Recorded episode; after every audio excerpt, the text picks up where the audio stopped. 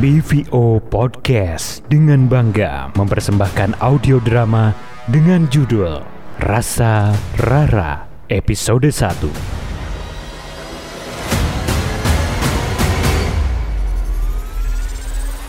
Voice over talent Dwi Anggraini berperan sebagai Rara Erna Wahyuni berperan sebagai Pingkan Nur Iza Inayati berperan sebagai Ibu Nuri. Riko Krista berperan sebagai Bimo. Dede Aris berperan sebagai Pak Bos. Astin Fauzia berperan sebagai psikolog Anita. Scriptwriter Dita Anggraini. Talent Koordinator Maria Ulfa, Sound Designer Iqbal Firdaus Hasan, Produser Ilsa Miyonda, Casting, Design, and Promo Shirley Grezia.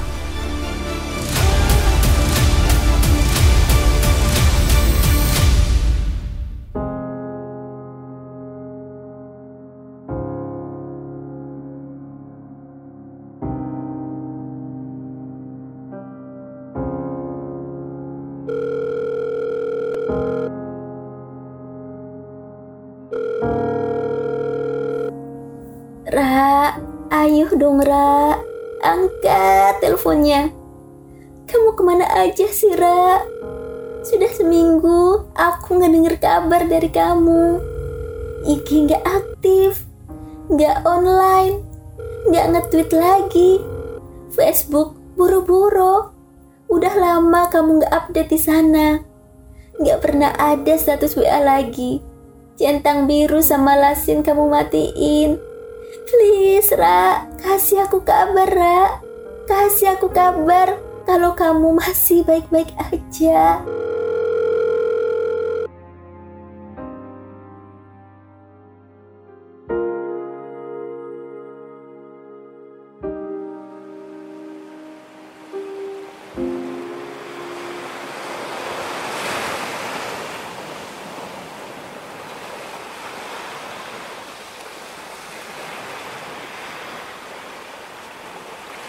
Sudah seminggu? Jadi, sudah seminggu gue pergi healing diam-diam. Maafkan gue, Pingkan. I just need some space. Gak pengen ngabarin siapa pun. Cuman pengen sendiri dulu aja. Capek. Capek banget. Pengen pulang. Tapi pulang apa yang gue maksud? Pulang ke mana yang gue maksud? Seneng banget sih ngelamun di sini jam segini. Sunsetnya sebagus itu ya. Emangnya ada sunset yang jelek? Hmm, kadang sunrise bisa lebih cantik dari sunset.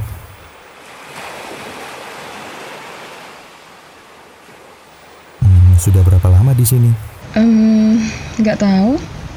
Empat, lima hari. Dapat cuti panjang nih. Asik juga bisa staycation lama. Hmm, Dua hari lagi gue balik ke Jakarta. Mau bareng? Entahlah. Gue belum pengen balik. Hmm, besok mau lihat sunrise. Sudah di sini paling nggak harus lihat sunrise-nya juga sekali-sekali. Boleh juga. Sip lah. Udah sih berisik aja. Lagi shadow nih. Cantik banget kan sunsetnya? Oke, oke.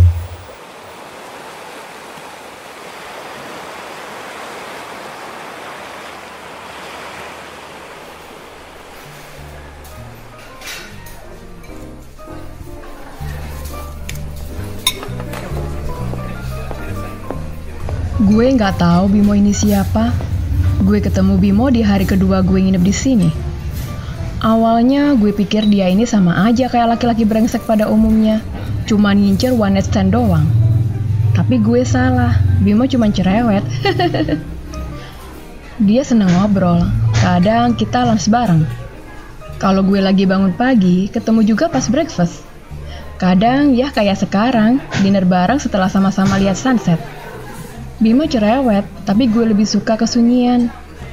Tapi gue juga nggak pernah masalah dengerin kecerewetan dia. Entahlah, sepertinya gue selalu merasa lebih tenang kalau dia lagi heboh cerita. Lucu ya? Tapi dia juga nggak masalah kalau gue lagi bener-bener pengen hening. Katanya dia kerja di Jakarta juga. Kerja? Cih, Surat risan gue udah siap, tinggal dikirim aja. Gila sih dari semua ketidakadilan yang gue terima di tempat kerja. Kali ini, ini yang paling parah.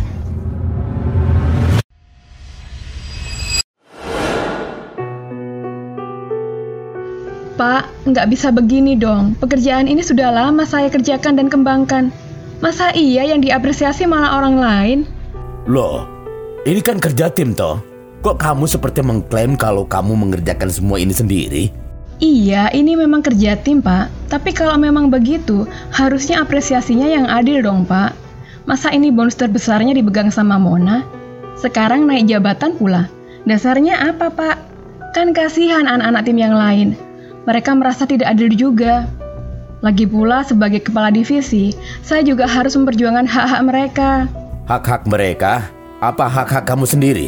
Loh, Iya, kamu juga sebetulnya pengen kan jabatan Mona sekarang? bukan itu, Pak. Masalahnya, Ah, sudahlah. Saya tahu kamu sudah lama mengincar jabatan manajerial kan? Kamu itu tidak sabaran. Kompetensi kamu masih kurang untuk tanggung jawab yang sebesar itu. Menjadikanmu kepala divisi itu ujian buat kamu dan buat saya. Nih, saya akui, divisi kamu memang maju. Tapi kayak liliput. Divisi-divisi yang lain sudah ke bulan, kamu meluncur aja belum. Kalau ada perampingan divisi, divisi kamu yang bakal kena cut duluan. Terus, anak buah kamu itu mau dikemanain coba? Mona itu anak baru, tapi dia sudah bisa bikin banyak perubahan di kantor ini. Kerjanya bagus dan proaktif. Meskipun dia anak buah kamu, toh dia sanggup untuk outperform kamu. Dia adalah perubahan positif yang dibutuhkan oleh kantor ini. ini bukan soal produktivitas kan, Pak? Maksud kamu? Mona tidak pernah outperform saya soal kerjaan kan, Pak? Saya tidak pernah mau ke acara-acara selepas jam kantor. Karaoke, dinner, bar. Tapi Mona selalu menyanggupi. Apa ini soal itu? Mona tahu apa yang harus dia lakukan untuk kemajuan perusahaan ini. Kamu harus tahu, masih banyak hal-hal penting yang harus dilakukan di luar kantor. Mona mau berkorban banyak. Saya ini fair. Tentu saja akan saya apresiasi dengan lebih juga. Mengerti kamu? Kamu sebaiknya ambil cuti. Saya lihat kamu tidak pernah ambil jatah cuti tahunan selama dua tahun belakangan. Sudah saatnya kamu melepas penat. Saya tidak mau lihat kamu di kantor besok. Sampai jumpa minggu depan ya. Kamu mau libur sampai dua minggu juga saya tidak masalah kok. Nanti saya sampaikan langsung ke bagian HRD.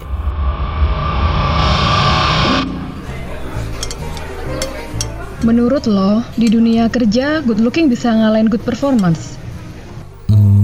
Nggak selalu, tergantung. Tergantung Hmm, ya tergantung perusahaan macam apa, tergantung industrinya juga. Kalau mereka lebih membutuhkan looks ya pasti itu yang dinilai duluan. Performance kadang bisa diasah, tapi kalau bisa dua-duanya ya lebih baik. Hmm, Why? Lagi dikalahin sama orang yang good looking ya? Ayo. maybe. Tapi mungkin dia nggak sekedar good looking aja. Good performance juga. Performance ekstra. Hah? Oh. Iya, iya, iya, iya. Mungkin memang itu yang lagi dibutuhkan. Gue sih nggak membenarkan itu. Itu nggak benar. Tapi toh ada. Tapi nggak adil dong buat kita-kita yang pengen jalannya lurus-lurus aja. Iya, memang. Tapi dunia ini memang seringnya tidak adil kok. By the way, jadi gimana besok? Jadi kan sunrise-an? Kita ketemu di lobby jam 5, gimana? Oke, Terus, jadi kan ke Jakarta bareng? Gua rencananya mau mulai ngurus tiket kita malam ini. oke. Kabarin aja kalau gue harus kirim data diri sama transfer uang tiketnya ya.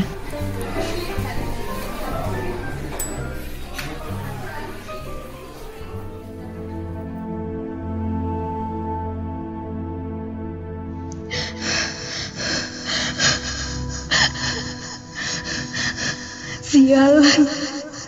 Gue udah tahu. Gue sudah mulai merasakan gelombang abisada gue datang sejak Bimo ngajak gue balik ke Jakarta. Ya Tuhan, gue nggak mau pulang. Ya Tuhan, bolehkah aku pulang ke dirimu saja? Aku capek.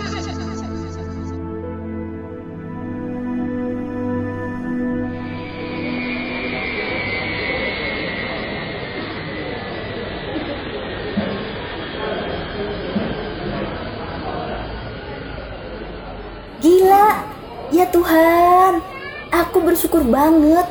Akhirnya Rara ngasih kabar. Ternyata dia diam-diam healing ke Bali. Aku udah bener-bener bingung banget kemarin. Takut banget aku dia kenapa-kenapa. Mana aku juga nggak tahu lagi gimana caranya menghubungi ibunya Rara. Ah, teman macam apa aku ini? Sekarang mana tuh anak? Loh, loh, loh. Siapa tuh ya? Cowok di sebelah Rara. Wah, healingnya totalitas nih. Pinkan, hey, thank you ya udah mau jemput. Sialan kamu, Ra. Nggak ngabarin sama sekali. Nyaris aja, aku mau ngubek-ngubek seantero Jabodetabek buat nyariin kamu. Paling nggak buat nyariin nyokap kamu. Jangan dong, nanti nyokap khawatir. Gue nggak bilang apa-apa kalau gue ke Bali. Paling nggak kabarin aku, kek. Eh, ini Oh iya, kenalin, ini Bimo, kita ketemu di Bali. Halo, Bimo. Pinkan. Eh, kalau gitu, gua duluan ya, Rah. Kapan-kapan kita janjian lagi di Jakarta. Weekend, weekdays, nggak masalah. Kabarin aja ya. Sip, thanks for everything ya. Nggak masalah. Sampai ketemu ya. Yuk, Pingkan. Ya. Eh, Cie. Siapa tuh? Indah nih liburannya. Apaan sih? Cuman temen aja. Temen apa temen? Lebih dari temen juga nggak masalah loh. Apaan sih? Sudahlah, yuk anterin gue pulang. Besok gue mau ke rumah nyokap. Nggak sekalian sekarang aja. Aku anterin. Kamu kemarin ngabarin nyokap nggak? Nggak, gue mau istirahat dulu hari ini. Gue ngabarin nyokap kok sedikit-sedikit. Tapi gue nggak bilang kalau lagi di Bali. Nanti dia malah panik kalau tahu gue pergi ke Bali sendirian. Nyokap tuh terlalu overthinking. Nggak usah nyokap kamu. Aku juga overthinking. Yuk deh.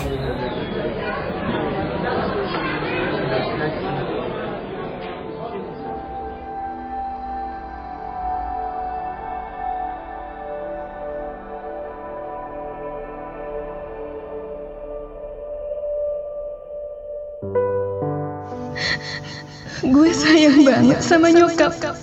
Gue pengen ngasih yang terbaik buat dia. Lihat nyokap yang sudah semakin berumur dengan keriput yang semakin dalam membuat hati gue teriris. Tapi apa yang bisa gue lakukan? Karena gue lagi di ujung tanduk.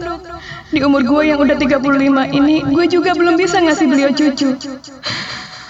Boro-boro cucu, bapaknya aja belum ketemu. Kalau ada cara legal buat gue punya anak tanpa perlu bapaknya, mungkin udah dari kemarin-kemarin gue punya anak. Eh Ra, kamu sudah lihat belum foto-fotonya Angel? Lucu-lucu banget ya. Duh, bayi itu memang selalu menggemaskan. Kemarin Lula juga mengirim video Dimas. Ya ampun, sudah besar ya dia. Sudah mulai nakal. Iya, mah, sudah lihat kok. Kan ada di grup keluarga. iya ya. Duh, kita kirim foto-foto apa ya enaknya? Ya nggak usah kirim apa-apa. Ya jangan gitu. Kasih kabar lah walau remeh-temeh. Hmm. Mah, Iya nak? ngomong-ngomong soal Lula, kemarin kan Lula sempat kena baby blues ya, mah? Iya, apa sih tuh? Mama nggak ngerti. Bayi biru, bayi biru. Anaknya sakit. Bukan, mah. Lula mengalami kesedihan berlebihan setelah melahirkan Angel.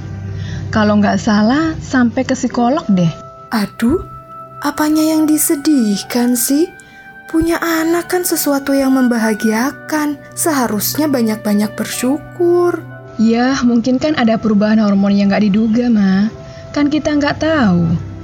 Tetaplah, Ra. Kita harus bisa mengontrol pikiran kita sendiri. Berpikir yang positif-positif aja. Apa susahnya sih?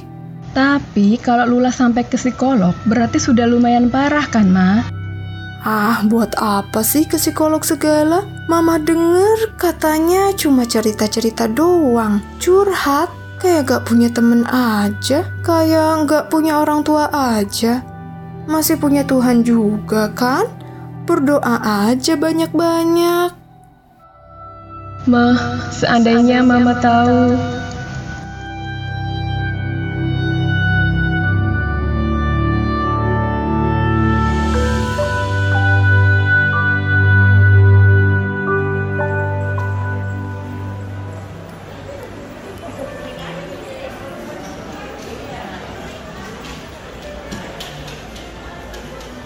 Jadi, gimana nyokap kemarin? Baik-baik aja. Ra, kamu sudah cerita kan sama nyokap? Soal Ya soal kamu lah. Soal kondisi kamu akhir-akhir ini. Kamu murung terus, Ra. Kamu emang gak cerita apa-apa sama aku. Tapi aku tahu, meskipun kamu ketawa-ketawa kalau lagi main sama kita. Meskipun kamu kelihatan ceria-ceria aja, aku tahu kamu tuh lagi nutup-nutupin sesuatu. Kamu yang biasanya cerewet di sosmed, makin lama makin diam, gak ada update apa-apa. ya ngapain juga pamer kehidupan sendiri. Kamu berubah, Ra. Ada apa sih? Aku boleh tahu. Waktu kamu tiba-tiba menghilang, gak ada kabar. Setelah kamu mulai jarang update, jujur, aku panik banget. Sehari, dua hari, aku masih biasa aja. Tapi ini seminggu lebih, aku nyaris mau lapor polisi tau gak sih? Aku pikir kamu sudah ditelan bumi. Aku nggak masalah kok, Ra. Kalau kamu nggak bisa cerita sama aku. Tapi setidaknya kamu cerita sama siapa, kek. Jangan dipendam sendirian. Mungkin kamu bisa cerita ke nyokap kamu. Kalian deket kan? Gue nggak bisa cerita sama nyokap. Kenapa? Lo tahu kan cerita soal Lula? Kemarin gue ngebahas itu sama nyokap. Buat gue, tanggapan nyokap sangat gak enak. Nyokap terlalu kolot. Dia masih menganggap kesehatan mental Lula hal yang sepele. Padahal Lula waktu itu kondisinya sudah gawat banget. Gue ya jadi males cerita akhirnya. Nanti ujung-ujungnya cuma disuruh sholat, istighfar, positive thinking. Bukannya semua itu nggak benar, itu semua benar. Tapi saat gue sudah melakukan semua itu, tapi perasaan sedih itu masih ada.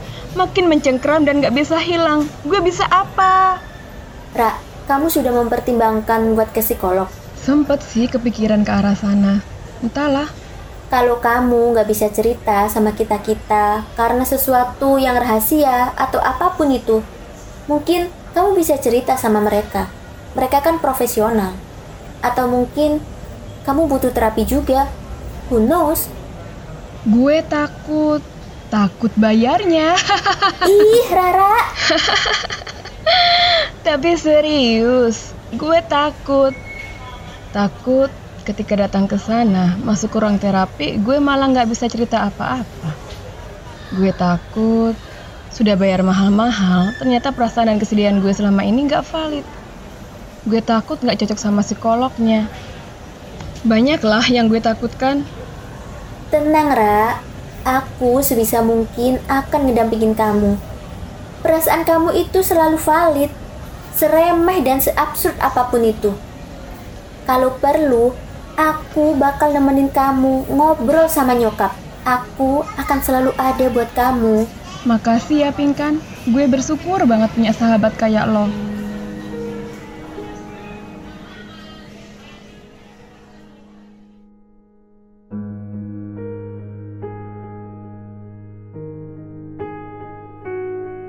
Sulit banget rasanya gue melangkahkan kaki gue ke tempat ini. Selama satu bulan ini, sudah beberapa kali gue kena episode. Gue merasakan gelombang-gelombang menyedihkan itu datang. Kadang datangnya pelan-pelan, kadang datang seperti badai. Semua hanya menyisakan kelembapan di bantal-bantal. Kadang juga di boneka-boneka. Pinkan menepati janjinya untuk selalu ada buat gue. Kalau gue mulai nggak ada kabar, dia langsung mencari gue.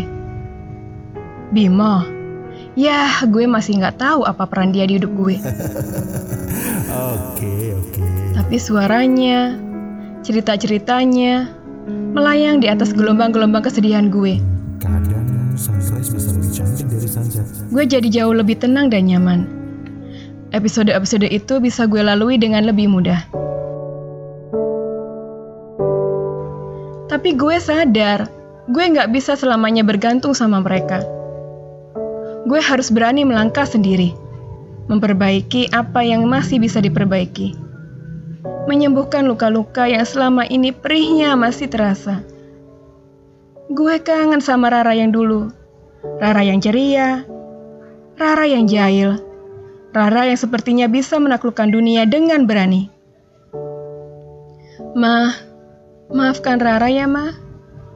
Sampai sekarang, Rara masih belum sanggup cerita sama Mama. Rara pikir Mama akan sulit mengerti kenapa Rara bisa begini. Tapi Rara janji, suatu saat Rara pasti cerita. Semoga saat itu Rara juga sudah bisa membahagiakan Mama dan memberikan segalanya yang Mama mau. Mbak Rara, yuk masuk. Kita mulai aja konsulnya sekarang. I i iya Bu, oke. Kamu bisa Rara. Ayo kita melangkah menuju hari-hari yang lebih baik.